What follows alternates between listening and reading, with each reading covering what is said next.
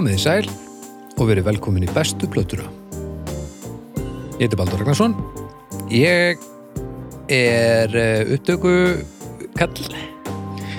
Ég hitt á rauðatakkan núna og þess vegna eru þið að hlusta á þetta. Þetta er skrásetning, þetta, við gerum þetta með tölvu. Eh, við erum hérna með mikrofóna sem við tölum í sem, bæði vei, við kannski glimtum að minnast á það í síðasta þetta en, en eh, söngurinn á thriller hann var tekinn allur upp á SM7 sem er sem sagt upprunnulega útgáfan af þessum SM7B uh, mækum sem við erum að nota hérna. Var þá algjört algjör bylting vegna þess að þetta eru broadcast mækar Já. búin búin til sem svona útvarpsmikrofónar. Og enn þá þegar verið að selja þessa mæka með þessi þá er þetta svona sölupunktur. Já, náttúrulega allur söngurinn á þriðlega var tekinni gegnum þetta sem er náttúrulega ekki satt að þetta er ekki saman, alveg saman með einhverjum en Já, en svona, ég held að sé nú allt, öll aðalatriðin eru nú aðna sko. já, þessi eru aðeins ódýrir held ég, ég, sér svo mikið kynnt mér upprunalega en þeir eru bara svona. Er ekki tekið fram að að að reykja ykkur ömunum innvorti sem líka allir söngurinn tekin upp svona? Mm, ég hef ekki heyrt það sko. það sko. Jú. það er yfirleitt, já, thriller og reykja umuleg já, þær, þær tvær sko. Já, Já, það er þessar tvær blöður sem var einmitt groundbreaking at the time að því að nei, nei, það var, nei, nei, það ekki. Það hjálpaði til þá, þá sko hérna, að þér, þú veist það er svo að, má, Mm. má vera svo nálægt þeim sko. þetta er eitt ég, ég, ég var flexi var búin að hella svo miklum bjóri með því söng innvöldsplötuna að ég var alveg rorrandi sko. Ég var búin að syngja þessi lög í miljón ára því ég ég kunniði mjög vel sko og það var bara svona vöðaminni sem söng þetta. Og það hjálpaði mjög til svona að staðsetja sig að ég var alveg bara varið þannig upp fyrir þetta alveg á rass, rassaling. Að þannig að ég er mjög steddi já, já, já, gott að vera með, með stuðning frá græjunum. Já. en Já. e, þessar tvær rættir sem við að vera að heyra hérna, sem eru ekki ég. Já, þjóstart það Já. eru hérna tveir einstaklingar. Eh, annars vegar erum við með doktor Arnar Egert. Uh, hann er mentamæður. Uh, svo erum við með Snæbjörn Ragnarsson. Hann er ekki mentamæður beint sko en hann er klár, klár flottur strákur. Já, já, alveg tr- traustur þó hann þurfa að leggjast á mikrofóna í stúdíói til að þetta ekki. Uh, Við erum hinga konir náttúrulega fyrst og fremst til að tala um músík og verið velkonir já, herðu, takk fyrir það. Kæra þakkir, kæra þakkir, en uh, við viljum nú samt sem að vera tala aðeins um aðra hluti áður. Við erum hérna partur af, af, af hlaðvarp samsteipunni Ljóðkirkjan Hlaðborð hlaðvarpa.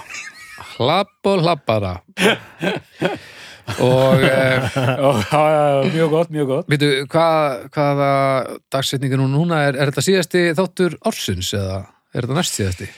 Þetta lítur að vera næsti þáttu lítur að vera fyrsti er það ekki? Er ekki fyrsti á fyrsti? Jú, Já, það. sko, Það þýðir sko að því að núna er lokast þá þurfum við að taka Við saman erum á jóladag. Við, Þetta, er jóladag. við byrjum hljóðkirkjuna í lok mæ Þetta er aðfangadagur. Nei, jóladag Nei, jó- Já, jóladagur. Já, gleðli jól. Gleðileg jól. Gleðli jól, já, gleðli jól. Ég má- Allir, Kæru lustendur allir sattir og, og, og sælegir En sko það þýðir að núna erum við að, verðum við að fara að taka saman tölfræðina að því að sko hljóðkirkjan byrjar í lok mæ þannig að þetta er basically hálft ár og það verður gaman að sjá hvað við erum búin að gera marga þætti. Af því að þetta er náttúrulega sex vikuleg laðvörp núna er ekki búin að vera sex allan tíma reyndar. Þetta eru alveg ævintýralega margir þættir á rosalega stundtíma Það er ekki hálft ár, ég meina að þetta byrjaði í mæ lok mæ, Júni, júli, ágúst, september, oktober, nómur, desember, sjö mánuði sko. já þetta er hálft ár á merkur sko, þetta er nei, sem er reyndar alls ekki rétt Já, já. en allavega, ja, þetta er ok, rétt rúmlega en ég held samt að tölfræðin verði hansi, hansi góð sko Já, þetta er gaman, þetta Já, gengur þetta er- Þetta þetta er er- drullu gengur sko. þetta, þetta, þetta skot gengur og, og ef þið er ekki búin að tekka á hinum þáttunum þá hérna skuli hunskast til að nota jóladag í það að kynna ykkur uh, Þú uh, b- úrval lámenningar á Íslandi. Þú hefur ekkert betra að gera á jóladag. Nei, Bara hlusta og hlusta. Bara hlusta og hlusta og hlusta. En það sem er í bóði hjá Já, fyrir, fyrir fólk sem ekki átt að sjá að þó þetta sé ekki nema rúmulega hálft ár sko, þá er þetta náttúrulega þáttunúmer sko, 67 held ég.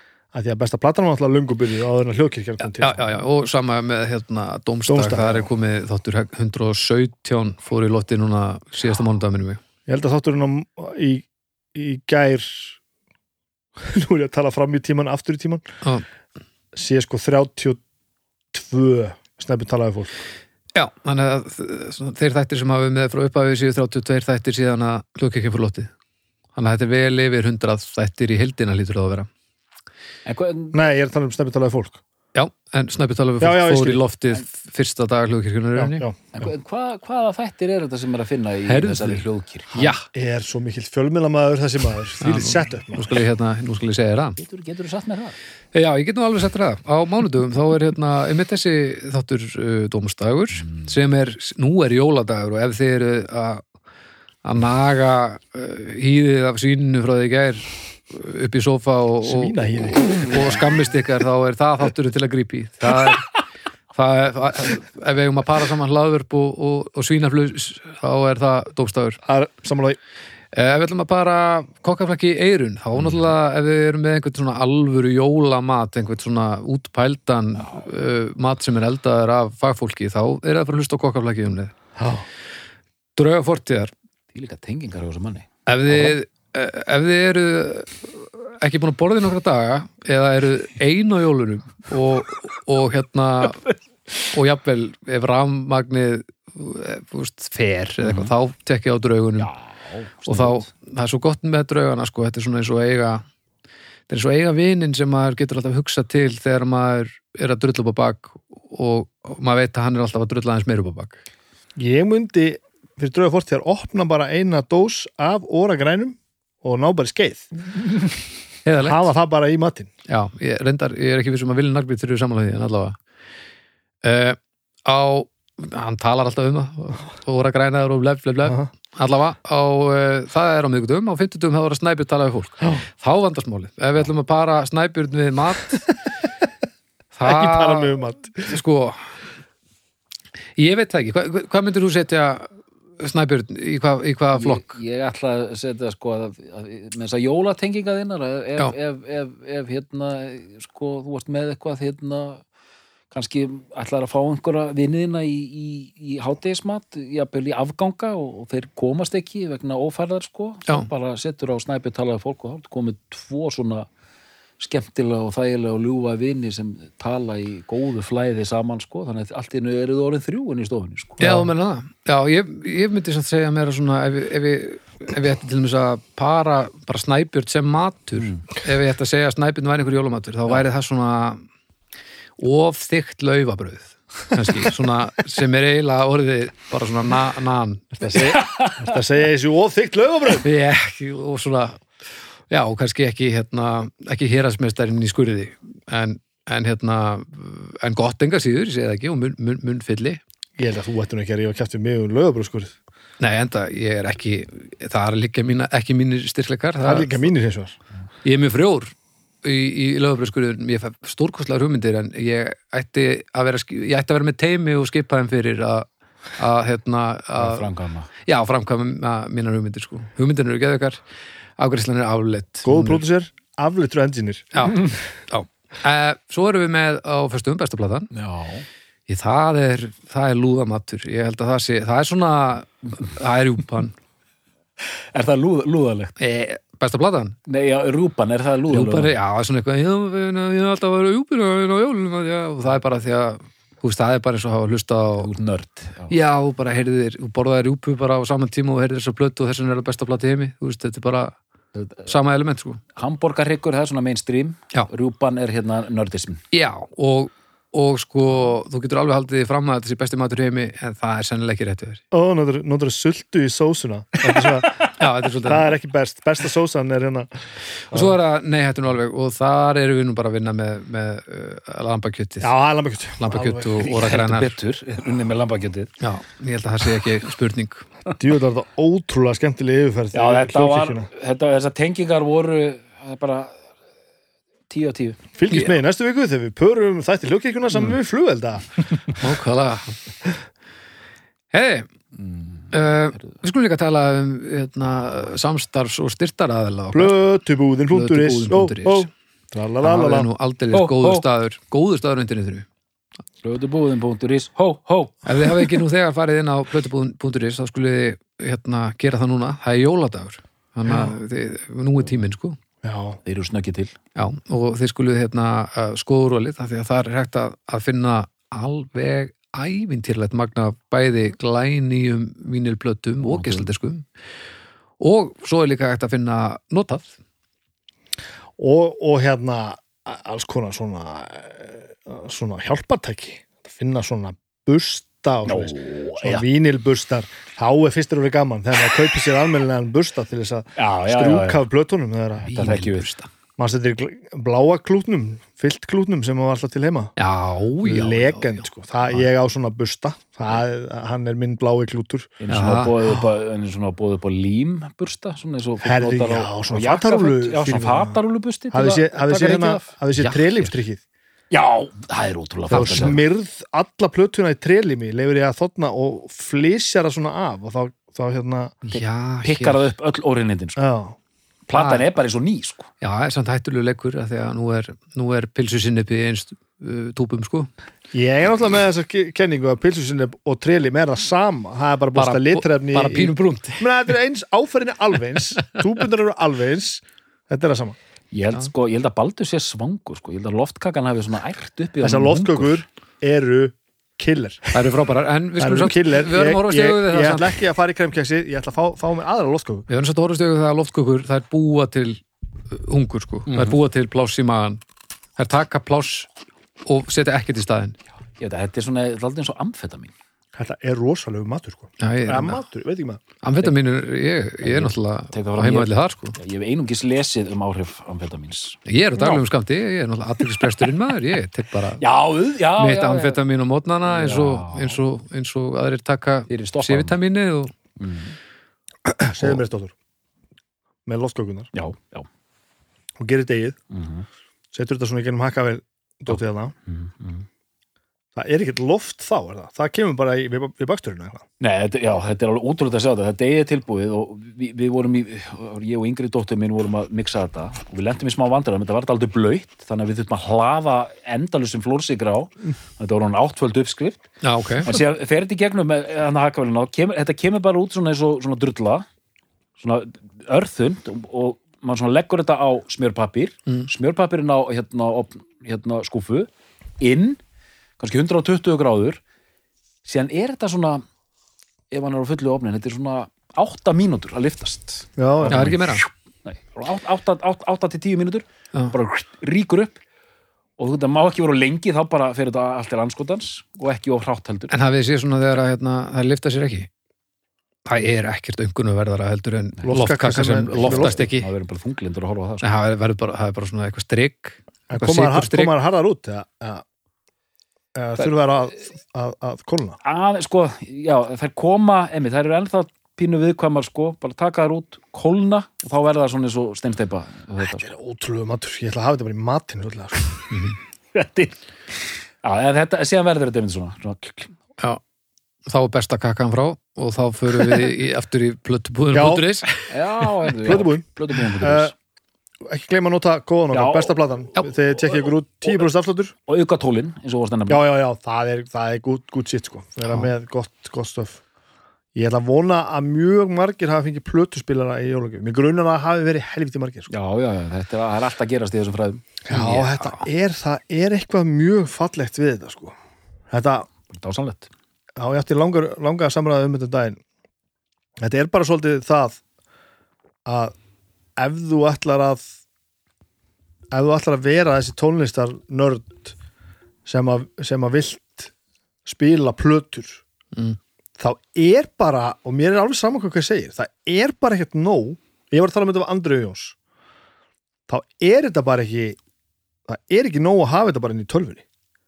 Þe- þetta konsept nei. bara verður ekki þetta verður ekki að plötu fyrir en þetta komið svona einhvern veginn í hendundan á manni. Held líka, auðvitað er þetta hrokki og ekki, ekki svona e- e- einvítt en en það er svona eina af aukaverkunum pláunar svona eina af þessum fáu fínu er að svona fólk er aðeins að búið að átta sig á því og fara að gangast aðeins upp í því að svona romantísera hverstarslífið og þetta er náttúrulega bara svo stór, þetta er svo romantist að það hlust, að taka vínilinn nú ekki um þú ert að taka hann upp og þetta er alltaf bara ástæð fyrir að við erum með þetta hlaðvarp það er alltaf bara okkar ástæð á þessu formati. Mm. þetta er, þetta passa svo inn í hennan, hennan skáp. hennan, hennan plötskap inn í hennan núvitundar vingil nú, nútíman sko. Þú, veist, þú ert einhvern veginn hvað ert að gera? Ég er bara að hlusta á plötu. Já. það er það sem ég er að gera. Já, og, og ímyndi ykkur, ég og dætu mínar 13 og 15 ára, það er þú veist, stundum eru við maður er eitthvað svona, eru ísolt, getur farið og snúið plötinu við? Og það er báðar gera það á, það er svo fallegt að sjá það. Á fumlösan hátt, sko. Ah. það er bara aldar upp við þetta. Það eru bara eins og 60 hérna, breskir kallmenn hérna í einhverju svona second hand búð, sko. það eru er með öll öll múfin alveg á hreinu, sko. Já, já. ég mynd, mín er, dóttir mín er fimm ára sko. Hún er, hún er byrjað að fá að snúa snúa plötunum. Það er sport. Að, já, ég hérna og ég byrðist fyrirgjarnir að hafa líkt daturum minni við 60 kallmenn frá Breitland En ég á eftir að sjá þetta einhvern veginn, ég á eftir að sjá þetta breytast. Ég, ég held að við losnum hefum aldrei eftir að losna frá því að vilja vilja format. Nei, nei, nei, nei ég, það er bara eitthvað í, í DNA-inu sko. Já, eftir 40 ár þá held ég að- að unga hafa verið einhverju svona hiftir sem við eftir að segja nei, ég tek nú ekki mál að spila hérna demantstrýtningana ég er bara Já, með já. Ég ætla bara að hlusta mitt Spotify Já. og þar sé ég artverkið bara í en þanga til, blötubúðum.is Já, blötubúðinu, þanga til, þanga til, já. Og svo við nýkjum á því að hérna, allt er þetta samstarf og, og ef að þið viljið gera vel við okkur þá, þá farið þið og pantið plötur á blötubúðum.is og notið kóðan okkar besta platan fáið afslátt og þannig græða allir. Það Jep. er þannig, Algjörlega, frábært. Jæja, þá skulum við vinda okkur í þáttinn. Já, Þið eru hinga konir til þess að ræða uh, blötu já, og uh, það er uh, listamæður í dag sem að sem að hvað hvað skulum við segja? Var það risastór. Mm heldur betur. Risa risastór og hefði haldið áfram að stakka já. Pottet. Þetta er rosaleg saga og gleymist mónandi ekki þrátt fyrir stuttan líftíma en þið ætlaði að ræða bestu plötu Amy Winehouse. Við ætlum að gera það. Ég er hérna með, að ég ætla að segja setni plötu Amy Winehouse þó að sé nú svo þriðja hafi nú komið út. Já, Hvað er þetta að segja um það, doktor? ég myndi segja tvær plötur. Já, er Þessi, ekki- fyrsta platan á þessi sem er önnur platan hennar. Amy Winehouse fætt í London. 83 ætla ég að segja, Satt, það ekki? satt. Árun eldri en ég. Uh, já, pældi því. Mm uh, af, af, af miklum geðinga uppruna sem hún svona læði nú ekki mikla rækt við Já, og svona samsvaraði, samsvaraði sér aldrei með einhvern veginn. Og já, til að gera lang, langur svo stutta um, hún var í alls konar svona jazzpælingum lengi framan af Mhm. uh, og gerði aldrei nema þessar tvær plötur fyrir platan sem heitir Frank og, satt og svo plata verður strax hvaða ár er hún? 2000 og, Þrjú eða ekki uh, Frank er 2003, jú og þessi 2006 Já. og Svo kemur þetta hittin hana Lioness Já. 2011 og um, og hún er einhvern veginn í gegnum þetta allt, Frank fyrir mína parta frábær plata Mm. um, en þetta er einhvern veginn meistaraverkið uh, og sorglegt frá því að segja kannski að þetta er svolítið meistaraverkið vegna þess að þarna takast á uh, nokkri faktora sem er náttúrulega ótrúleg gjöf frá genónum eða guði eða hvað þú ætti að kalla mm. og rosalegu náttúrutalent. Uh, og náttúrulega bara eitthvað svona bakgrunnu sem kemur inn í þanga sem hún, ke- ke- sem, sem, hún, sem, hún, sem hún fer en það er enga veginn hægt að horfa fram hjá því þessi plata er að mörguleiti svona óbúslega heillandi að því að þarna er hún orðin fullkomlega fokkt upp í höfðinu. Já. það er ansi mikið af geðviki og dópi og brjálæði sem að litar þessa plötu því sem hún, sem hún, sem hún er. Eitt og sér hefur náttúrulega ef það ekki gert neitt hvorki gott eða slemt, það hefði bara verið það sem það var. En það fylgir því einhver ofbóðslegur X-faktor hvað, hvað hérna hvað hún er á hvað stað hún er sko, þegar platan er gerð Er þetta að tala um í lokaniðstöðunni á efninu? Eða er þetta að tala um uh, bara Drullan er mætt er um- góð Er þetta En að tala um, drullan er ertu að tala um ráefni á plötunni eða er þetta að tala um umtalið um plötuna? ég er að tala um plötuna sjálfa Já. ég er að tala um, Já, já, já, efnið á plötunni og, og líka bara ég, ég get aldrei ég get aldrei sko þe- þessar plötur Amy Winehouse enda þótt hún hafi samið langflest lögin uh, upp á eigin spýtur Mm. en það er ekki rétt, þetta er ekki aðalega Jú, ég allavega þú veist, eitthvað samstarf og eitthvað svona sko, en hún var alveg öllu Já, saman. já, já. að þá er aldrei hægt að horfa fram hjá það, ég get það allavega aldrei að þetta eru lög sem eru svona góð og verða svona stór og eitthvað að lifa svona lengi vegna þess hvernig hún flytur þau ef hún hefur verið að semja þetta fyrir einhverja rosalega talent söngkonu sem, sam- sem svo söng þetta þá myndi þetta aldrei vera þetta myndi aldrei vera sama snildin ég, ég get ekki einhvern veginn í þessu tilfelli skilið að flytjandan og tónlistakonuna En ég held samt að það hafi kannski ekki beint með lífstil hennar að gera heldur hvers veist, performansin hjá henni endurspeglar endurspeglar lífstil hennar þegar maður veit af lífstilnum en ég held að ef einhver annar myndi geta performað þetta á sama sömu vikt þá myndi efni standa alveg jafn mikið Já, en það er að ég er að segja, ég næði ekki að kljúa þetta í sundur að, að manneska sem, sem flytur lægið sitt rehab og gerir alla brjála að því hún ætti að vera að fara inn í, í meðferð í Mm. undrastaskipti. Mm. Eh, ég næði aldrei að skilja staðrendir lífsins frá tónlistinni. Nei, nei, þannig að þú veist þetta stækkar vegna þess að maður veit undir hvað kringustöðum staðum myndi gert hver, hver hún var, hvernig hún var og hvernig hún flutti lutina. Ótrúlega þú veist no, no, no þú veist, þetta er svo Þetta er svo rosalegt maður. Bara, þeir segja ég að fara meðferð bara glemdu því, Nei, nei, nei, Það nei. bara vera heima að hlusta á Ray Charles. Hvernig er hægt að gera svona á þess að verða viðbjóðslega hallarslegur það er svo ótrúlegt að vera með eitthvað svona þrjóskumúf eitthvað svona Mm, e, e, e, og vera ekki bara grenjandi smástarpa, heldur vera bara Eh, eh, hún er svo hún er svo ofbóðsleg listakona sko. Mm. ég hérna þetta er annars skipti núna á tveimur vikum sem við tökum fyrir eh, plötur og, og listafólk. Michael Jackson í síðustu viku núna hún sem að syngja upp fyrir, fyrir sig í þroska. Mm, mm, að, þú veist, hún, er, hún var, Já, varð aldrei já. nógu gömul til að gera það sem hún var að gera. Nei, Þú- þessi vikt bara hvernig er þetta að, að flytja með þessari þess, þessu innsæi þegar hún nærðið ekki að vera þrítur?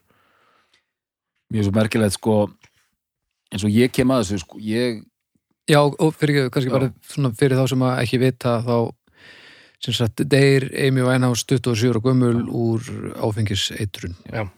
eftir, eftir uh, ítrekkar tilunir myndi segja, hún var bara bólakafi í, í alls konar neyslu Já, átti mjög, mjög erfitt með, með, með sjálfa sig, með neyslu um, og var sjálf, var, það var einhver ofbósti sjálfsæðinga allur félagskapur sem hún sótt í uh, eðalaði fyrir sér á hinum á þessum stöðum og einhvern veginn. Og afleitt bakland sem hefði geta já, stíðin í. Sko, þú merkilegt það sem við erum að tala um núna, svo ég seti sem á baksvið hérna, að, einmitt, þessi plata kemur úr 2006 mm og hún heitir Back to Black, ég held að ekki komið fram. Já, hún heitir Back to Black, uh, önnur plata Amy Winehouse 2006 og þetta, þetta verður grí, sko á, á tímabili var þetta veist, ég er ekki mikið fyrir svona tölur sko, en það var eitthvað að, þú veist, mest selda breska plata ársins eða tíu ára eða whatever og seldist tvær miljónir á viku eða eitthvað leika sko. -hmm. það verður alveg ótrúlega vinsælt og hérna og þetta, hérna erum við á fyrsta áratögnum sem ég nefni það sem svo ég var þarna á gólfinu á mokkanum, eins og ég segi nú stundu frá hérna í þessum þáttum, ég tók ekkert eftir þessari fyrstu plötu. Ekki neitt. Nei, hún, hún enda þóttur hafi verið mjög, mjög stór. Já. þá var hún bara eins og aðrar plötur bara mjög, mjög Já, stór, já. hún var ekkert meir en það sko. og hún virtist vera sko, einmitt, svo plata þú veist, maður var, þú veist, maður skrifa að fylgjast með, hún var ein af þessum plötum sem voru að koma út upp á 2000 það nefna nokkur nöfn hérna. Uh, Duffy, munið eftir henni Já, Mhm, já, Mhm. var ekki ástræðsk Uh, nei, hún Nei. er bresk sko bresk. Þú að tala um McDonalds hérna Um, ok, Ja. um, Donald, hérna Mc- Ronald uh, McDonald Duffy, en Duffy er nú oft nefnd í, Nei, ég man til Duffy. í, tengslum við Adele og Adele eru þetta líka hann einhverstar um, Macy Gray Já. já. Þessu, já, ok, Macy Gray Mm. um, Joss Stone það er bara napsi í mann já, bara nafn einmitt Mm. Allar þessar söngkonur eru að vinna með einhvers konar sálar tónlist Já. setting og popbúning Gray, þeim- röddin rosalega sérstök sko mm -hmm. og syngur svona svona rosalega öflugar hérna söngkonur mm og ég man þetta Frank, ég, ég man ekkert eftir þessu og síðan þegar ég var að hlusta á hana núna í, í, í, í undirbúningi þetta er svona, það er svona jazz, jazz pop einhvern veginn sko Já, hún er bara Algjörlega. mjög svona áhlýðileg áhliðileg, vel, fín plata vel gerð, tvö coverlög Já. ég maður rétt, rosa bara hún, hún er svona næstu Já. því eins og einhver, einhver fær músikant að gera svona eh, plötu með músík sem að hún hefur gaman af Já. að semja músík svona sem að sem að e, svona tribute til þess sem hún hefur alist uppið sko, já, já, með svona sitt spæs á því og maður heyrir alveg vel að þú veist, þetta er greinilega mjög góð söngkona já. og, en, en það vantar einmitt þetta, einmitt, hún, hún er ekki nógu þó að þessi einmitt frábæð plata hún hafa ekki mikla aðtekli fyrir hana það, er, það vantar aðeins að skilja frá sko, Mm. sem við fáum þetta allt já, gjössamlega á þessari já, plötu hér. bara í í kílóavís kíló af ís sko. og hérna og þar spilar sko inni, hann hérna er að hérna taka þetta upp, hann hérna Mark Ronson. Já, gleym aldrei kommenti frá honum Frey Eyjólfsinni vini mínum. Hann sagði bara þessi plata hljómar svo hérna hafi fundist bara box með gömlum hérna sjötómum sem voru gefnir át á mótam nákvæmlega. Soundið, þú veist það var einmitt það væri hægt að gaggrinn þetta fyrir að vera eitthvað ófrölunlegt, bla bla bla, þetta hljóma svona og hins einu, en það, þú veist þetta er ekki það, þetta er ekki getið þið hjálpað mér, þetta er samt ekkit verið að herma eftir því Nei. Nei, þetta er ekki- segja um þetta þetta er, er, er er, er orginal þetta er orginal en þetta einhvern veginn svona vísar svo ógeðslega flott í þetta, mjög stert sko. mjög stert sko. Þetta komið á einu mjög áhugaverðu máli Mm. það er þetta, þú veist þetta sem að manni finnst oft ómögulegt að setja fingurinn á Mhm. Hvað það er sem skilur meistaraverkin frá ekki meistaraverkum Mhm, mhm. að því í rauninni er þetta ekkert annað heldur en hundra plötu sem hafa verið gerðar og eru bara eiginlega alveg eins. Já, já, já, en alveg saman hvort þú veist hver Amy Winehouse er eða bakgrunnin eða hvað er þá setur þú bara þessa plötu á eða önnu svona óutskýr meistaraverk. Mhm, mhm. og, og þú bara allt í hennu bara fattaru þetta, þetta er bara þetta er bara cutting shit sko. Mhm. og þú veist ekkert af hverju nákvæmlega. En mér fannst svo merkilegt að það, virt, það virtust allir kveikja á því með þessa plötu í einu.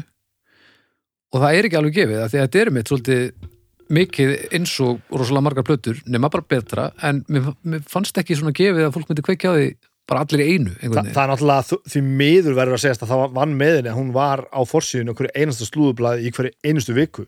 Þannig að hún varð fræg fyrir allt. Hún var fræg fyrir að vera algjört ólíkinda tól Já, gössanlega búin að- missa, það, ekki, það, missa sjálfsfringuna það kemur í kjölfarið á þessu Mhm. Nei, er það nú alveg þannig Já, svona mest í kjölfarið á Já, það þessari er plötu vestnaði, náttúrulega sko Já. já, já.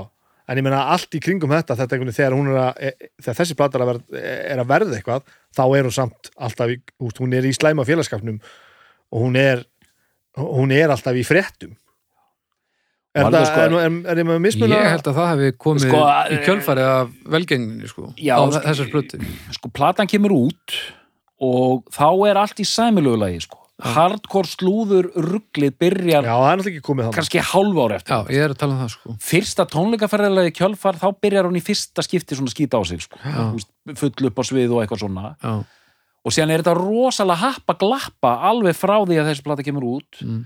og þú veist að- að- allir að vona vona, kemur hún ekki, er eitthvað að gerast er hún, er hún þurr, er hún ekki þurr? Þetta Já. er bara klassiska dæmi.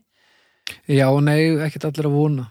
Fólk, þetta var- bara sirku sko. Ég ætla að segja algjör sirku, ég tók þátt í honum. Ég, ég, ég satt bara við og skrifaði stutta fréttir af Amy Winehouse Já, það er bara verið þannig. Ég, algjörlega. ég fæ svona skömmustu tilfinningu þegar ég man eftir því þegar ég opnaði einhverja frétt einhver staðar og það var eitthvað vídeo þar sem hún var upp á sviði og gæti ekki sungið Það er Og alltaf eitt man að frækt, ég er frækt skipti það sem hún og bara ég svona, ég man ég bara svona hlóa þess já, já, ég fæ bara svona fuck. En það er svo fyndið eins og þegar maður er að vinna við svona, gera einhverja svona litla fréttir. Að fólk vil frekar, ég, er að- ég skrifaði eina frétt að Amy Winehouse í gær. Já. og þú veist, þess að krafan er svona, herðu, ég ætla að skrifa eina frétt um hérna Duffy, nei, við viljum fá aðra frétt Já, um Amy Winehouse, er setti bara spinn á þetta. Fólk vildi bara lesa þetta, sko. En það er við alltaf líka komin að öðru sem er bara svona flavor of the month Mm feelingur líka sko að það sem er vinsælt, það bara selur og þá bara heldur áfram að fjallum það sko og, og þeim mun meira krassandi frétti því Já. betra sem er náttúrulega fucking umrætt sko. Bresku paparazzi aftökusveitirnar Já, eru er ansi grófari en, en annar staðar ég hún ætla eftir að koma því að hún ætla lendir í, ve í, í versta, verstu aðstæðu mögulegum hvað þetta varðar sem allir eru bara þessi, bara, þú ert bara út á bresku göttunum að labba frá heimilínu. Og það er bara her já, já. Já. af fucking drullu tussum sem er að reyna að eðlika lífið þitt sko. alltaf alltaf alltaf það er algjörlega galið sko.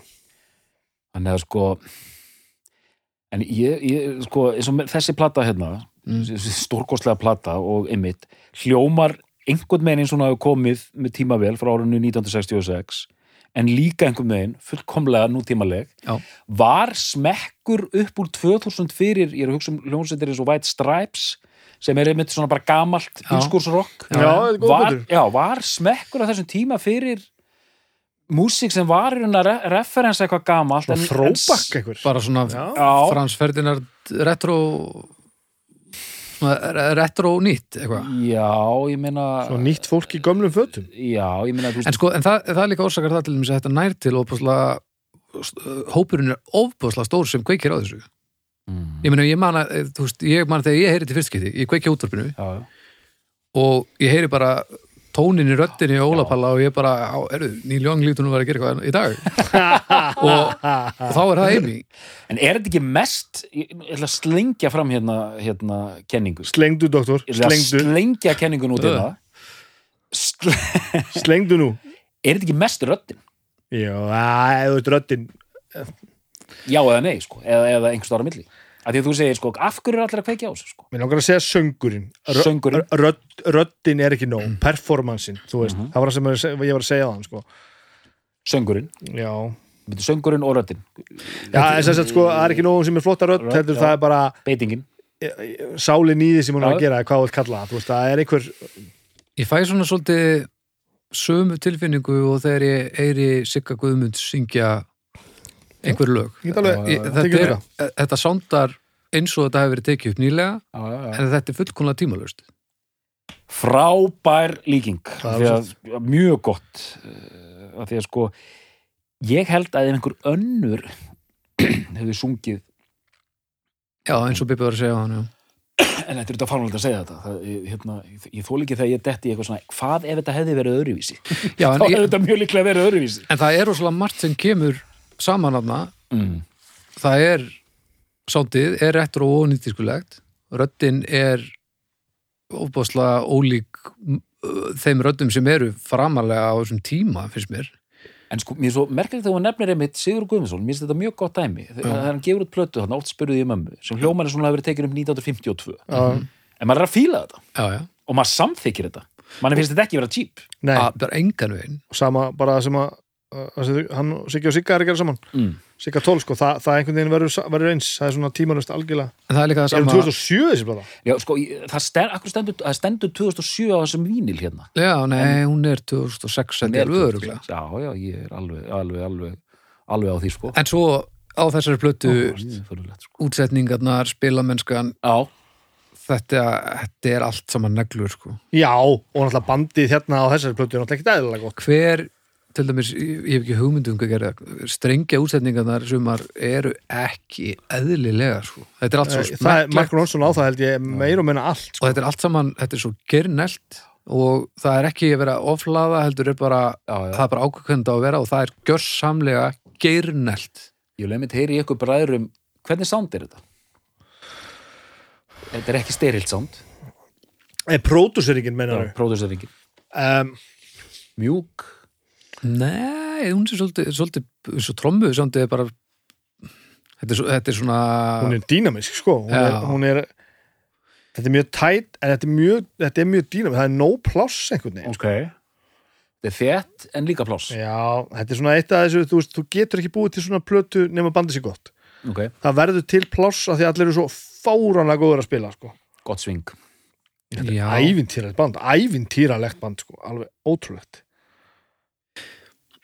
uh, Já, þeir eru hérna Mark Ronson og Gabriel Roth. Þeir eru bara tveir hérna að sjá um þetta allt saman meira að minna sko. Þetta er svolítið svona ef þessi plata hefði verið gerð fyrir veist, 50 árum Mm þá hefði hún verið tekin öðruvísu upp og þá hefði impacti af henni ekki orðið eins mikið. Það er svolítið svona ég held að upp, hvernig hún er tekin upp hún, ég held að spiluð svolítið mikið eins og hún hefði verið spiluð fyrir lengra síðan en upptökutæknin gefur manninni þetta svolítið svona beint í æð sko. hún er svolítið og trómurnar eru bara helviti framalega já, og, já, það er þannig og algjörlega, það gefur mér til dæmis helviti mikið sko. án, án sem masteruðu svona eins og poplata Já. að hún er það sko já, hún er bara þetta- sumt er bara helviti böndsi og, og framalega og, og, og- sem er svolítið þvert á kannski svona hvernig þessi fílingur hefur verið lagður í já, er tíðina sko. sko. En mér finnst líka svolítið merkilegt með þetta að eh, tek hérna dæmi til að, til að hérna, setja þetta í betra ljós. Hérna, Joss Stone sem ég nefndi hérna. Mhm. hún er með rosalega rödd, hún er bara svona alveg það Franklin dæmi sko, Já. hún er bresk. Með frábæra rödd hefur gefið út slatta plötum. Þetta er allt mjög fínt Mm. og jafnvel aðeins betra en fínt. En hú- hún er ekki það er eitthvað geggja punk í gangi hérna sko, það er eitthvað svona Já, brjálaðan X-faktor sko. það er, einhver, það er þessi X-faktor sem er alveg svakalega óhefluð sko. það er sko greitt Það er þessi, fáu skipti þar sem mann, upp, maður upplifar að fólki sé í alvörinni dörrull já, og, og ég heldur komum þar að lífverðinu mm. að það á einhverju leveli er henni bara sama sko. mm og það er svo skrítið að vera með svona stóran ferli í, í, í fanginu og vera sama. Það fer ekki saman. Það er svo, það er svo fá skiptið það sem þetta gerist það sem að já, þú ert með eitthvað svona já, eitthvað svona, svona feril og, og, og, og, og, og vonir og framtíð og eitthvað. Það aldrei cool en, en ég held að þetta sé partur af sjálfsæðingakvötinni þú ert að dópa þig til anskotans þú ert með ranga fólkinu þú ert að taka rangar ákvarðin, þú ert að drekka þetta döða áður fyrir på svið verða þetta skammar fyrir, fyrir framann alheim og, og þú ferð heldur mér svolítið með sama hugafar inn í stúdíóið þú veist þér er bara einhvern veginn svolítið fokk sko. en sko músíkin samt verðist alltaf hafa verið það sem öskraði á hana það er bara er allt að- hitt sem að fokkar þessu upp sko. en getur við sko einmitt, drull gagvart ferlinum uh, getur við farið í smá kópein líkingar að einhver litu já en Kópen til dæmis samt hann var miklu meiri póser maður. Já, mér, líður eins og hann hafi verið miklu meiri pósir sko. en jú, eru líkingar að það að sjálfsögð og, og ein og líking þetta 27 ára elementið sorglega já, já, ég meina það, já. við erum með, sko, það er Jim Morrison Janis Joplin, Jimi Hendrix uh, hérna, Amy Winehouse Kurt Cobain, þetta er allt 27 ára sko. Já, Já, klúburinn klúburinn sko, 27 Club þetta þegar ég var 28 ára þá tók litli bróður minn í höndin á mér til hamingjörn, þú meikaði það Ah. já, Þetta verður alltaf skiptur og skiptar eftir því sem maður eldist sjálfur sko. Að- einhvern veginn ímynda sér að, að Kurt Cobain var búin að gera allt sem hann gerði fyrir 27 ára það er alveg, þú veist, sko. það er, það er algerlega súræðist já, það er alveg gallsúrt og þá fyrir maður líka, maður líka að setja í, í samingi hvað þetta fólk gerði hlutina á stuttum tíma. Mhm. þú veist hvað þetta eru fá ár og, og þá fyrir maður líka velta fyrir sig eins og við vorum að tala um í pókstætturum í daginn hvað blóma tíminn hjá svona listafólki er oft stuttur. Mm vorum að tala um í síðustu viku með, með Michael Jackson. Já, já, þetta var eiginlega frábært Mhm. og við töluðum um tímar frá 79 til 80 og þú veist, þetta er, er já, allt, allt á undan og eftir er, er, það, það eru meistarverk að það en, en, en þetta, þessu var bara tróðið inn í þessi tíu ár þar er snildin sko. Já, en svo snýst þetta líka alltaf á endanum um það að, að upplifun fjöldans endur speklar ekkert endilega hvað var í gangi á fólki sko. svo er það veist, það, er að, það er bara búið að tala eitthvað upp í einhverja snild sem er, vildi bara svo til að fólk var opið fyrir þessu þá og, og ég held að hún t- hafi ekkert tengt við að fólk væri að ædulisera það sem hann var að gera á þessu leveli með hvernig hún upplýði að gera það. það getur verið, það er rétt. En ég man líka eftir komandi frá þér Baldur í pókstættinum þar sem þú sagði sko, ég hefði viljað fá meira. Já, meira gott. Já, meira gott. Mm. og þess að þetta ég, ég við ekki það þú veist eina tværi viðbót sko þú veist, þegar þú ert komin á þetta level sko En eins og við tölum um pók, sko, ef að segin hefði ekki verið svona voðalegur, hefði við einhvern tíma fengið eitthvað gott. Þú veist, Já, ef þetta hefði ekki er verið svona mikið hælun. Ég hefði verið til í að fá aðeins lélegri þessa plötu ef ég hefði fengið tværi viðbútt. Af því ég, ég vil bara, já, mér finnst við bara í alvörinni hafa fengið það lítið að það gerir mig, ég, ég held að sé, ég sé ekki með eins mikla eftirsjá eftir neinum listamanni sem við mist í heiminum eins og. Amy Winehouse. Ég held í alvörinni ekki. Þú ert mikið latandi, heyri Já, þetta er líka svo tóðast á mér að því ég var partur á vandamálinu sko. Hvernig varstu partur á vandabálum? Ég var bara að hlæða henni þegar hún gæti ekki performina já, ég skil þú veist, og það þá og þó varstu að yngri. það hafi ekki haft neinn áhrif á nýtt þá, Ég hérna, mér, mér finnst áhverst að þe- þessi vingil, þetta sem við erum að tala um með sko Nirvana hann var ekki að læga, hann var að, að drekja sér var þetta svo stert já, sóta áttan loftkökur. Svo það nú loft ykkur mann að með, Nirvana og kannski svona í, í, eftir sem árin hafa liðið þá, þá, þá, þá, og í mikill Nirvana maður. Mm. eh, ég næjar vega sætta mig við það að það hafi ekki komið meira. Mm -hmm. að því Já, ég er ekkert alveg vissum að næsta Nirvana-plata hefði verið einhver stórkostli viðbútt mm. Kannski er ég að ljúga sjálfum mér af því ég hefði gæta verið að fá henni viðbútt en það eru þessi, þessi moment eins og þetta með Amy Winehouse Mm. hún átti svo mikið inni sko. Ég held að hún hefði geta gett svo mikið á svo ógæðslega góðri tónlist og ég, hún, hún, hún, hún var fimm árum yngri en ég ég hefði vilja vera sko 70 að hlusta á 65 ára gömlu Amy Winehouse já. það hefði verið stórkostlega það er fókt upp að hafa mist það sko. fyrir mér sem er kannski snýst ekki um kannski hvað hefði orðið beint en mér finnst miklu, miklu nötulegra hvernig þetta gerist sko. af því að Kurt Cobain, hún er bara illt í maðanum og svo bara dópar hún okkurslega mikið og svo ákveður hún að, að kála sér mm. og mér finnst hún ekki að hafa ákveðið neitt að þessu sko. heldur var bara stjórnleysi, engin gerði neitt hafa bara, bara samantingin ráð um að bara, bara að taka hann af lífi á heimsvísu já, já. og þetta endar svona Þú ert að tala um þessa vél sko, eins og til dæmis Díunu prinsessu hefur líka Já, já, sem talað um hana í Já. þessu saman Presley maður sko, Já, Presley líka er bara mjög gott dæmi líka um Já. ég, við vorum með auka þetta í draugunum um daginn og það Já. talaði ég örlítið um Amy Winehouse Mm. þar sem að ég segi flosa þá frá einhverju við snúðum þessu við og það var um svona public shaming, bara svona opinbera smámun, smánun Já, mm. og það, hún var bara átti aldrei breyk og saman með Móniku Lúinski og, og, og hinur þessi lendi í þessu og það bara byrjar einhver svona vél þú Mm. aftengist því sem er verið að ræða í alvörunni Mm. tekur þátt í þessu að því að þú ert ekki að, þú þetta skiptir ekki máli Nei, nei, og þetta er bara þetta, þetta er bara aftaka sko já, já og svo þeir sem standar í næst einhverjir örfáir sem reyna eitthvað pínu er náttúrulega erfitt að eiga við fólk sem auðvitað er kannski til í að, að fá hjálp ekkit- en svo eru bara aðrir sem bara ítinni út í ruglið sko. já, já. En Það er líka innbyggð í okkur að einhverju leiti að því við erum, við erum dýr það er einhver svona þórðargleði líka já, já. Algjörlega. það er alltaf það sem þú ert að tala um það er það sem ég er að tala um og það er það sem að ég fæ fucking magaverkin yfir að hafa tekið þátt og þú bara vilt sjá blóði renna sko. það er einhvern veginn, það er en- grimd í þessu sko. þetta er nefnilega svo fucking hellað Mm. sko.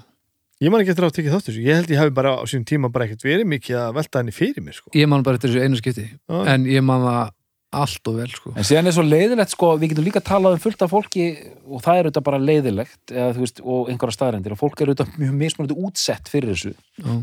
þú veist, hvað áttu mikið breyk skilur, hvað átti Jim Morrison mikið breyk hvað átti hún mikið breyk, hvað áttu menn sem hafa náða að lifa þetta af Já.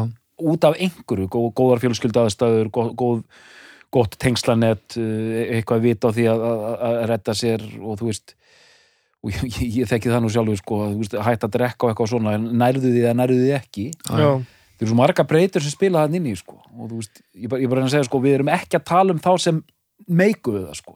nei, nei, Nei, einmitt, og, einmitt, og, einmitt og þetta eru mitt, úst, þetta eru eigin hagsmunir ég, ég er, að, ég er brálað við mig yfir að hafa tekið þátt í þessu einu sinni sem hafði engin alveg áhrif en það er að því að hann er ég að vega og metta hæfileika versus hvernig þetta gerist versus hvað hefði geta orðið og sumstaðar er það bara gengur dæmið bara þannig upp að ég er ekki að gráta það svona mikið sko. en mér finnst við bara að hafa fara á misvið svo djöfull margt mögulega sko.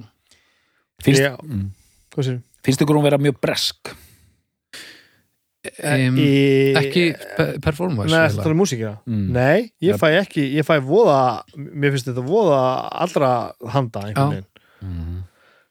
En í Jú, lífinu. og- þá var Hún er bresk. Já, já, Já, í lífinu náttúrulega augljóslega mjög bresk sko. já, mikið svona London, London stelpa sko. Mikið svo, þannig, sko, svona einmitt. Að ég var að hlusta svona deluxe útgáfa á þessu þá var hún að taka hérna þá var hún að breyða yfir lag hérna sem, sem er svona gamalt skala svona. Monkey Man heitir það. Mm. I'm the monkey man. Og og hún var geðið eitthvað svona ska-kalipsó stuði sko. Mhm. Það var eitthvað brest við það því að myndi mig bara specials og madness og, Já, og það það dæmi sko já, sem er svona en einmitt, ef þetta eru miklar vísanir í þessar amerísku girl groups Alveg. sem er hérna Já. og bara allt Þetta- já, því ég rend henni og rend henni og re- rend henni duglega sko bara, þetta er er alveg ótrúlega góð plata. Já, platan nefnilega er nefnilega svo góð. Og það, það, ég, fatt að það bara, ég, það var mörgum árum setna þegar ég fatt að það sko. mm. að mér fannst hún bara rosa töff og ég tengdur svo við hann þegar hún var að syngja. Og, en ég fór mjög seint í að, að hlusta eitthvað á hana. Ég dæmda hann einmitt fyrir mokkan nýjút komna Ó, ok, nei. komdu nú með það. ó nei segðu já, frá. og, og spáði þetta, þetta er bara svona herðu hérna, diskurinn liggur já, en nú tengir ég um við það sem ég er er bara búin að bíða með að þérna, ég veit ekki hvað þetta fór að segja. Að ég er búin að bíða með að, að, að tala um það sko. E, væru við að tala eins um plötuna ef að hlutnir þið farið öðruvísi? Nákvæm, já, sko, einmitt af því að, en þarna bara, ég sitt bara kaldur hérna í, á skrifstofunni þarna í kringlunni þú veist, diskurinn kemur inn á já, já, þessi Amy Winehouse, það er allir að tala um þetta já, já, Ardal, hendur ekki eitt dóm keirum hann inn á morgun, ok. Og ég las dóminn og þetta er mjög svona afgreðslu dómur sko, mm -hmm. svona fyrir eitthvað kaldur og bara, já, hún hefur ekki mikla aðteklu undanfarið og ég er svona að lýsa þessu. Síðan segi ég eitthvað endan hérna já, flott, hérna, flott hvernig hún syngur þetta og hérna performar þetta og allt það sko, en, en lögin verða eitthvað ble, ble, ble eftir sem alveg líður fer maður, eða, hérna, fer maður að þreytast þrjár stjörnur af fimm Já, það, og sér bara næsta en, en, þetta er þetta er, þetta er þér sko. Já, en þetta kemur mér hins vegar ekkert á óvart af því að þérna á sínum tíma og að sem ég var að segja á þann ef aðstæður hefði verið öðruvísi ef hún hefði ekki orðið þessi karakter þú veist, ég er ekkert að tala um hún ef þið endilega þurft að deyja sko. En ef þetta hefði bara verið svona plata sem einhvern veginn hefði svo ekki náð í gegn klötterið sko ég er ekkert alveg vissum að við verum að tala eins um hana. Hún er rosalega góð en maður þarf samt alveg að fatta það sko. Ég fatt að það satt náttúrulega bara af því að fjöl- fjöldin var svo sem maður gera það, ég segi það ekki. ok, en það er áður en ha, mér líður eins og það hafi gerst áður en allt hafa verið í Já, byrjað ok, sko. við sko. Og ég einhver luta vegna uh, er komin á, á vagnin hansi snemma sko. þannig að ég myndi tala eins um hana, já, Já, ég. var lengi, lengi að fatta sko. en þetta sýnir líka vel þess að innbyggðu þversun að vera on staff á einhver svona blaði og afgreða einhverja plötudóma þú getur ekki sagt neitt um svona plötu þú er búin að hlusta á hann í tvo daga og ert bara hendin inn hérna fyrir, hérna, fyrir deadline sko. þetta, þetta var ekta þannig já, dómur já, sko. já, já. Já, já Ég veist, hún var ekkert búin að malla í neitt tíma, sko. Síðan bara hálfari síðar þá fær maður já, þegar allt fer á stað, sko. Já, Og og síðan var maður að skrifa einhverja litla ramma með, sko, e- ein fyrir svona var slordóni eða snillingur. já, já, þú veist Er, er, hún, er, hún, er hún bara einhver, hérna, vittlesingur og, og, og, og, hérna, Já. e- eða er þetta snillingur? Það sem að telur sér vita í retrospekt sko, er náttúrulega að hún hafi ekki átt að mörguleiti leiti ekki átt breyk en, en, en þú veist mér finnst pínu erfitt að taka alla ábyrð af manneskjunu sem við erum að tala um Já, ég er sammála. ég get ekki, ég get ekki settið hérna og talað um 100% fórnalamb Nei. alltaf sko að við. því að, hlý, að því að þú veist sannast í fórtkvæðan að fjandinn hafi það hver er sinnar gæfu smiður þú, þú hefur alltaf ég, ég átta mig á því að, að við erum með mis, mis, bakgrunn misjant bólmagn og okkur Já. líður misvel í eigin skinni og við lendum, mis, mis, lendum í aðstæðum sem við ráðum ekki við það er ekki að taka alla ábyrðina af manneskjunni sem um, umræðir ekki alla, það Nei. er bara ekki hægt Það er ekki hægt. Nei, nei. og það á ekki að gera, En- það er lítilækandi fyrir að alla en samt sem að vera þarna til mér komið þær aðstæður að hún ákveður að fyrir meðferð fyrir meðferð, mm -hmm. pappina fyrir með hún er að flýja allt fjölminn að fárið og allt saman, fyrir á, á afveikinn stað og hann náttúrulega bara býður fjölminn þangað, sko hann er alltaf auðvitað Þú alveg snar óður sko. hún fekk ekkert breyk þegar allt er vissulega, einhvern veginn endar allt í, í ruglinu þú veist, og hún verður að taka ákvarðanir í ferlinu til að að, að komast sérst, hún tekur ákvarðanir sem leiðana út í þær aðstæður sem hún þarf að díla við. Mm. Það, er, það er staðreind en svo þegar hún er orðin veik fyrir þá fær hún ekkert breyk nei, nei, Nei, nei, en ég er, ég er, sko, ég er, ég er, ég er, er ykkur báðum, ég er sammála þér baldur að það er, það er, er að hlaða endalins á fólk og það brotnar. Mm. en síðan er einhvern veginn alveg lengst út í hotni, alveg á endanum þá er alltaf þessi uh, sjálfsábyrð sko. En, en ég, þá er ég ekki að segja ég, veist, sérstaklega maður í minni stöða ég, veist, ég er ekki að segja sko að, að hérna veist, maður talar um svona ískaldur gaur, já, en, en á endanum er, en, en það er samt upp að einhverju marki sko, til þess að þegar fólk fer í meðferð og eitthvað svona, það getur enginn farið í meðferð nema þú.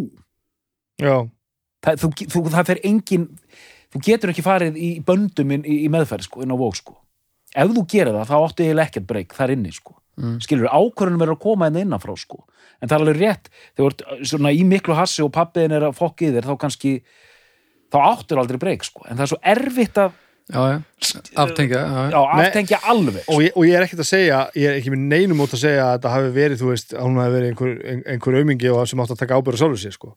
Ég er bara að segja, ég neita að taka 100% ábyrðina af viðkomandi. Ég er bara, þú veist að því mér finnst það líka, líka, líka bara lítilækandi mér finnst að við verðum að tala um fólk eins og það að hafi þá sjálfs meðutund að hafa eitthvað um að segja hvað það gerir sjálft. En hvað á hvað á einstaklingur sem er svona langt litur í neyslu fær aldrei breyk með sko hundruður manns að elda sig hvert sem hún ferð mm. hva, hvað á hann að taka ákvörðun um að, Mm. að snúa við Eh, menn að sumir hafa gert það ég er ekkert að ég, og, og ég er ekki, ég er ekki að stimpla hana sem aumingja eða taka, og ég var ekki að það og ég, að öllu sem hann hefur séð var þetta augljóslega skelvilega aðstæður, mm.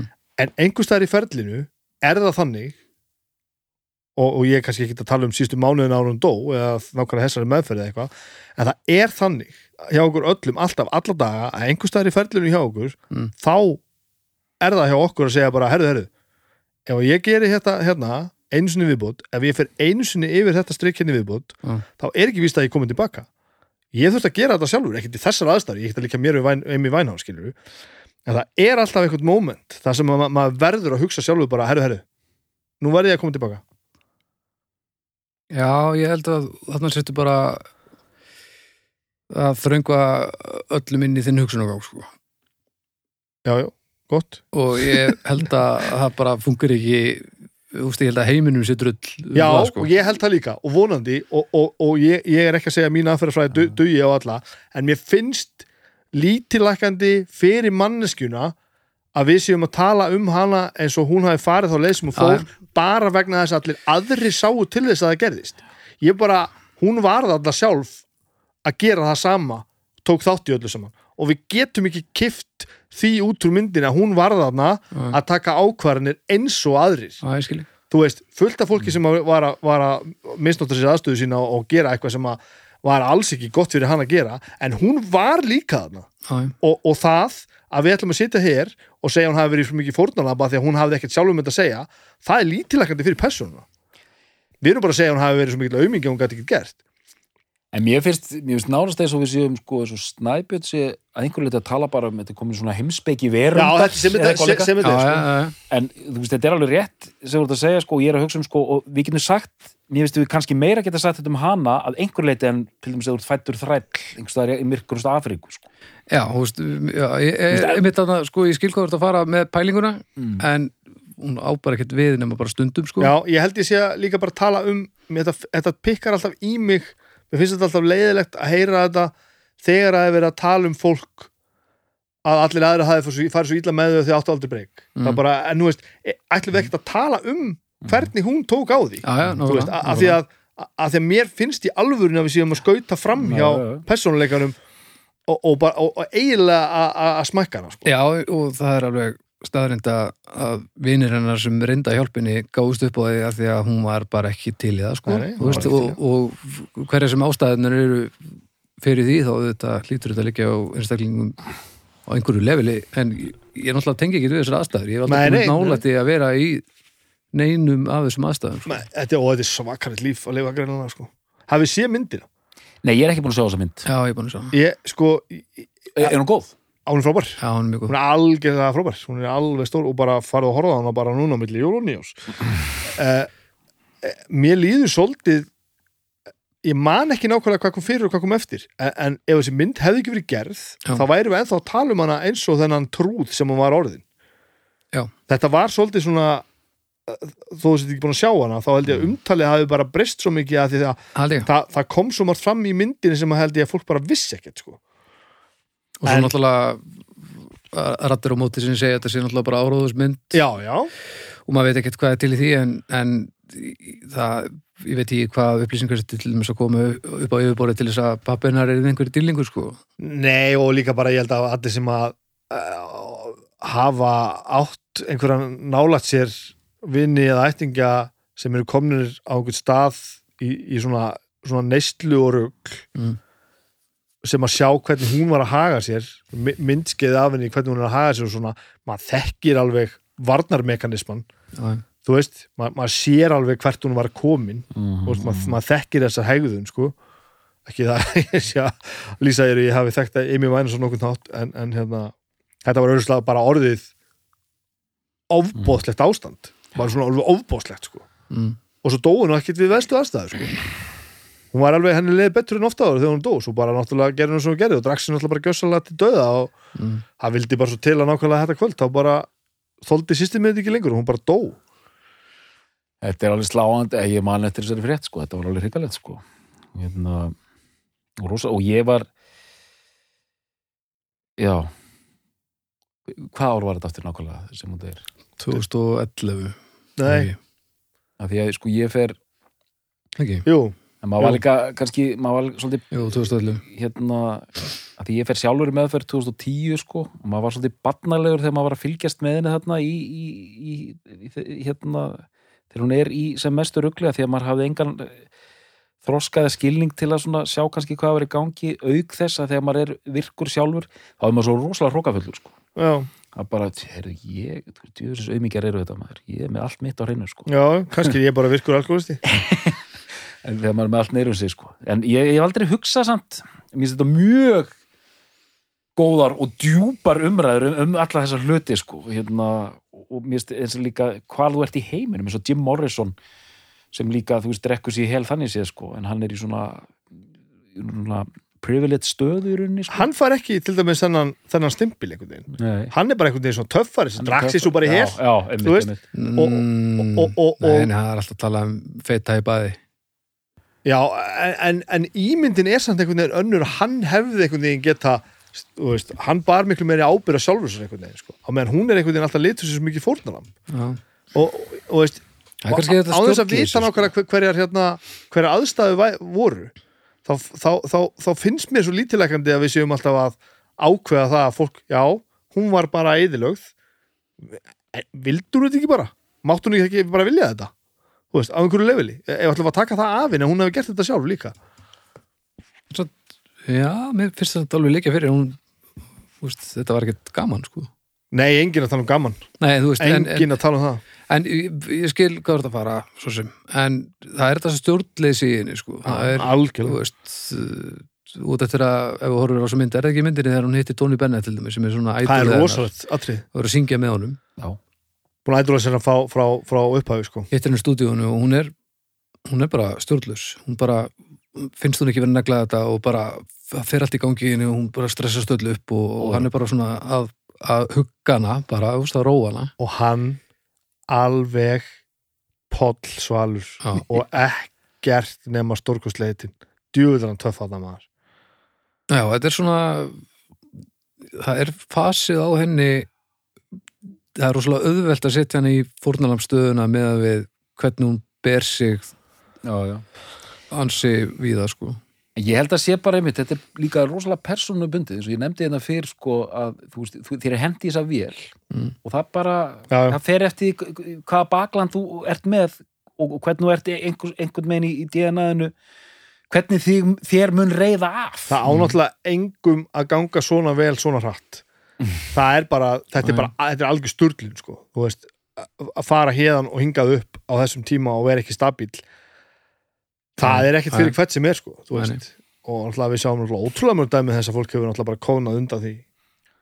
Og líka ef, ef þú veist þetta, þú fættur fíkill og hérna, þú veist, þú ert kannski all, alltaf verið stjórnlaus með hérna áfengi þá bara, þú veist þá er líka mjög vera að fara inn hérna bransa, sko.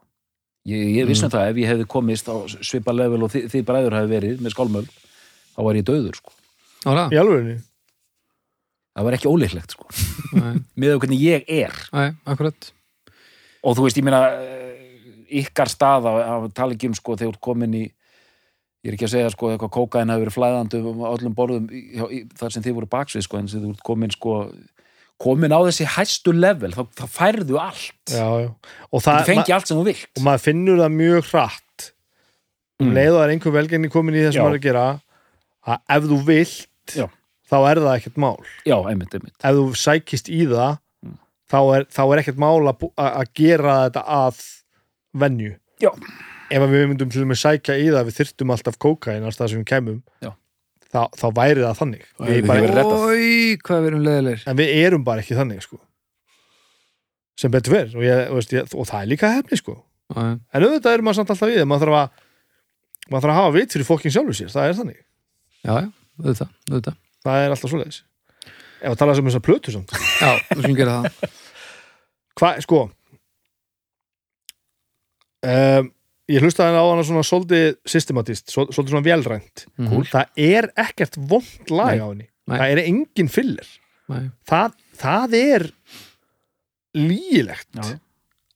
uh, Og þetta einaðin blötum þar sem að uh, fólk það skiptist í fylkingar uh, hvert besta lagið er sko. það eru nokkur lögarna sem að sem að eru uppáhaldslög einhvers Mhm. já, og þá er þetta um stóra hópa, ekki svona þetta er já, nú já. mitt uppáhaldslaga því ég er svo en, en er á lögin, eru svo, hérna. lögin eru þess lega að það er rosa auðvelt að tengja við eitthvað ákveðið lag Já, já, líka því að textaður eru um eitthvað og ef þetta eitthvað svona neglir þig þá, þá, þá ertu, það, það er mjög öll að taka á móti svona bó, bóðskapnum og fílingnum sko. Já. Ég finnst þess að Love is a losing game ég ætlaði að fara að segja það ætlaði, ætlaði að nefna það lag það er er- ógeðslega flott sko. það er mitt lag Það er, bara Það er svoleiðis. þitt lag? er svo við erum greiðlega svolítið svip, svip, svipað típur hérna í kringum borðið það er svo spilamennskan í því lagi Já. trómuleikurinn og, og strengi útstendingi hvað er að gerast þarna og, og, og, þessi, og söngurinn og þessi fílingur sem að er svo, er svo ómöld að feika að það er þetta er big band Mhm. ekki, ekki big band er svo svona Nei, big band nei, nei. Nei, nei, nei. þetta er svona stór hljómsveit sem er hljómsveit en ekki bara svona hired musicians og ég veit ekki eins og hvernig það var sett saman, það getur vel að þetta sé bara fullt af einhverju en, en, en pródúseringin og, og handeringin og lögin og útsetningarnar gera það verkum að þetta er sko Amy Winehouse og band alveg svona geðvikt band og það er bara svo störlað sko. Og mér líður eins og hún sé fremst á sviðinu og bara rétt fyrir aftanana hægra menn er trómuleikarinn Mhm. já, pródúseringin á, á já, já, já, það, það er þannig. Trómuðnar eru svo indislega og maður er einhvern veginn inn í svona, svona klubbi bara að hlusta, þetta er svona, svona frekar lít, lítið space og, og það er bara síkartreikur í loftinu Já, já, það er bara ringborð og maður getur ekki maður svona hálfsittur maður svona já, já. hálfstendur sittur En djúvill er þetta þá vel unnið af því að það vantar ekki nöfnin hérna eh, sko, af því að þau ná band samdi en það er ekki band að spila sko. Nei, ég held að það sé ekki, band, ekki, ekki, ekki æft band að spila Nei, nei, þessa nei. plötu, en hún var alltaf með geðveikt backing band, sko. Já, Mhm. já. Wow þetta er, það er eitthvað sem margt sem smellur á þessari, og ekki, gleymuðu ekki að hún samdi öll þessi fokking lög. Mm. Þa, það, það þarf alveg að setjast niður og semja lögin. Já, og þessi vinsla er ekki eðlileg, sko, þetta er ekki eðlilega mikið að góða lögum. Næ, Hún er líka töff. Og hún Já. var super töff ég ætla að segja eitt, í samband, eitt, eitt enn í, í, hérna, í, í sambandi við lagasmíðanar sem ég held að skjóti þessari plötu svolítið fram, fram fyrir aðra plötur af, af, af svipuðu kalibri. Mm. hún er svona frasasnillingur. Já. no, no, Já, no. Já, þú veist, já. það kom alltaf svona moment þar sem maður svona, wow. Þetta var ekki bara svona eitthvað venjulegt stöf að rýma, heldur bara svona, wow, wow, wow. Og svo he- heyrður lægi næst og þá manstu þennan frasa. Hún er rosalega góð í þessu svona, þú maður sér fingurinn fyrir sér sko. No, no, no En svo er líka eh, þegar maður sér upptökur af henni þar sem að hún var í lægi að performera live hún var ekkert eðlileg sko ba bara eh, sem sönguna Nei, hún er bara rosalega sem góð sönguna söngkona. og bara, bara presensið og, Já, já. og óbúðslega mikil nærvera og bara algjörlega sturluð Já. Stjarna já, já, bara fætt stefna og, og náttúru talent, bara rö- röddin performance, er allt svo effortless og, brjálað sko. mm. og það sem maður sá til dæmis þegar hún var sem ruggluðust og var að detta út og gæti ekki sungið og eitthvað svona og mundi ekki neitt og vissi ekki hvað hann var og svo stundur svona datt hún inn á lag og söng kannski eitt versi eða eitthvað þá var það yfirleitt bara geðveikt mm. þannig að það var ekki eins og þurfti að hafa fyrir því að syngja hún þurfti bara að hafa fyrir að vera bara í sambandi við bara alveg sko. Já. en hún leið og hún datt inn á eitthvað lag þá, þá kom það bara eins og enginn þurfti að pæla í því sko. alveg fáránlegur talent sko. alveg ofbóðslega söngkona hvert, hvert haldið, haldið hún hefði farið hvað, held, hvað haldið þið ef hún hefði til þess bara farið í þessa meðferð og, og þurka sig upp hvernig, hvernig haldið að áframhaldið hefði, hefði orðið? Ég hef ekki hugmynd sko, um það. ég, ég, ég, það er bara máli, ég- ég hef ekki hugmyndu það. Ég get enga veginn sett fingurinn á ég, ætla, að fara- ég, ég ætla að fara í svona guessing game. Ok. hérna, ég held þetta er 2006 ef hún hefði svona bara náða að komast á kjölin það hefði komið út þriðaplatan hefði komið út 2009 Ok. og hún hefði svona haldið dálítið áfram með þetta gert jafnvel aðeins sterkari plötu mm. en þessa. Og við varum að tala um eitthvað helsta þrekverki í poppi bara fyrir og síðar eitthvað líka. Mm. eftir þetta 2009 þá gerur hún aðra plötu 2012 með doktor sko. Uh, en þá finnur hún þörfina sem oft yðurlegur fylgdómsmanna aðeins að aðeins að endurnýja sig og setja inn svona meiri svona electronics í músíkina nú fórum þangað. Já, þá bara þegar fólk ætlar að fara að reyti og hetta sig aðeins upp sko, þá ertu komin í vandræði sko. já, aldrei rétt. Þannig að það, já, ef ég komið með eitt, eina, eina línu sem hefði getað Fre, frekar það en guðið samt. Ég, ég held samt að við værum mögulega líka að horfa á í annan. Ég held að ef hún hefði uh, náð tökum á öllu saman, þá hefði hún geta orðið því að bráð að verða svona singla hittari. Hmm. Svona að fara að vinna með þessum hip og cool pródusentum og fara að búa til svona lög.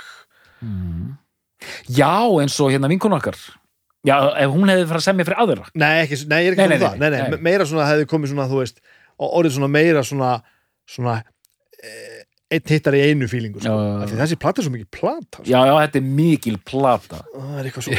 ég held þessi svo stjartur að látt frá því sem hefði gerst ég held hugmynd um það. Hva- En hvað heldur þú? ég held ekki neitt Nei, en, það, en það er ástæða fyrir að ég er að nefna þetta það, það er líka parturinn að ég held í hvað þetta er heillandi að þetta er, að er svo mikið stjórnleysi að það þetta er einhvern veginn moment in time það sem allt kom bara heim og saman og ég, ég til dæmis ég held að séum að mörgulegt svolítið heppin að að- að hafa fengið þessa plötu. Ég held að hún hefði ekkit endilega þurft að lenda á löpunum sko. algjörlega, ég væri bara svo mikið til í að hún hefði getað notið einhvers af þessa af þessu, Finnst það hefði líka, ógeðslega gaman. Finnst þetta líka ótrúlega flott og fallegt og íkonist cover. Já. Hún er pínu, pínu hérna svona viðkvæm samt töff pínu hókin bara. Pínu hókin Já, ekki að blæða einhverjum svona bombu sexapíl eitt eða neitt bara á einhverjum eldústól sem einhver fann.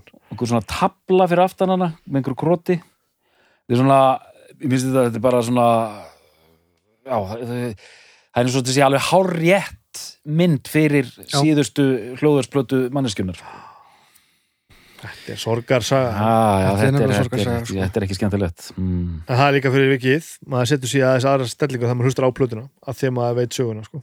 já ég náði henni nógu snemma til þess að ég man að hún gerði það sama fyrir mig Já, hún, það er gott að það. Ég er, ég- það ég er ekki þar. hún er sorglegri fyrir vikið en, en hún er ekki betri að horfa þess að mynd, doktor, hún er alveg hún er, hún er Já. dru- drullu fín já, sko. hún er mjög fín heyri, ég ætla bara að byggja um uppgjör já, uh, doktor, já, um, hljómplatan Back to Black með Amy Winehouse uh, eins og framöfu komið það er bara algjörlega frábær plata uh, ég ætla að stela hérna frá vinnu minnum og segja hliðstæðulaus mm -hmm. og ímsanhátt af því að hún er þó að það hafi verið fleiri söngunur á, sama spórbaug þannig séð þá er hún allt öðru sinni þær allar sko. það er þetta gritt, það er þessi X-faktor og, og þú veist að vera með svona gamla hljóðheim en samt nýjan og bara, bara svona stórkostlegt verk og gaman að þetta er plata af því að Mhm. það er hægt að dæma listamenn þegar þú ert búin að heyra tíu lög já, þetta er helviti gott sko. Það er nefnilega já, já, það er svona og þú veist, þannig að veist, það segir svo mikið virkilega velhefnað verk og hennar besta verk hæglega yfir til þín snæbjörn Ég hérna, finnst þetta að vera svona tvöfalt tímahylki, en annars vegar að ná að frista hann einhvern hápunkt á þessum ferli hjá henni sko. Og, hún hafi náð að koma svona ógeðslega góðri plötu að, frá sér að þegar mann líður með að fyrirlin eins og það hefði bara ef ekki hefði allt komið heim og saman á þessum tíma þá hefðu við kannski mögulega bara verið með einhver svona slittur sko, mm -hmm. höfum ekki fengið þetta verk. Mm. annars vegar það tímahylki að ná að kíkja þarna bara til 2006 þar sem hún var bara þarna að gera þetta. Og hins vegar líður manni svona eins og þetta sé gluggi sko 40-50 ára áttur í tíman þar sem þetta, mm. þar sem platan einhvern veginn á heima í, í lagasmiðum soundi og performance. Uh, og að þú sagði hliðstæðulegs, ég meina hvað hva, hva, hva ætlar að finna sem hljómar svona? Mhm. Þú veist, hún er algjörlega uník lagasmiðanir eru á einhvern stór undanlegan hátt uník líka þó þetta sé ekki, það er ekkit, ekkit glænýtt í þessu en það er mjög auðvelt að spotta að þetta er hún og sagan er náttúrulega uník og allt í kringum hana er einhvern veginn algjörlega íkonist og sorglegt og hræðilegt og að samanskapi verður það svona ofbústlega stórkvöldlegt Mm. en ég svona sem einmitt kemur svona svolítið kannski sent að þessu. Uh, mér líður bara svolítið eins og, eins og alheimurinn hafi bara verið frekar heppin að við fengum þessa plötu sko, Mm. að þetta hefði bara ekki þurft að lenda þarna. Þannig að Snæbjörn er þetta besta plata Amy Winehouse? Já, Doktor er þetta besta plata Amy Winehouse Já, Baldur er þetta besta plata Amy Winehouse Já. Við þakkum fyrir í dag og við heyrumst af ykkur liðinni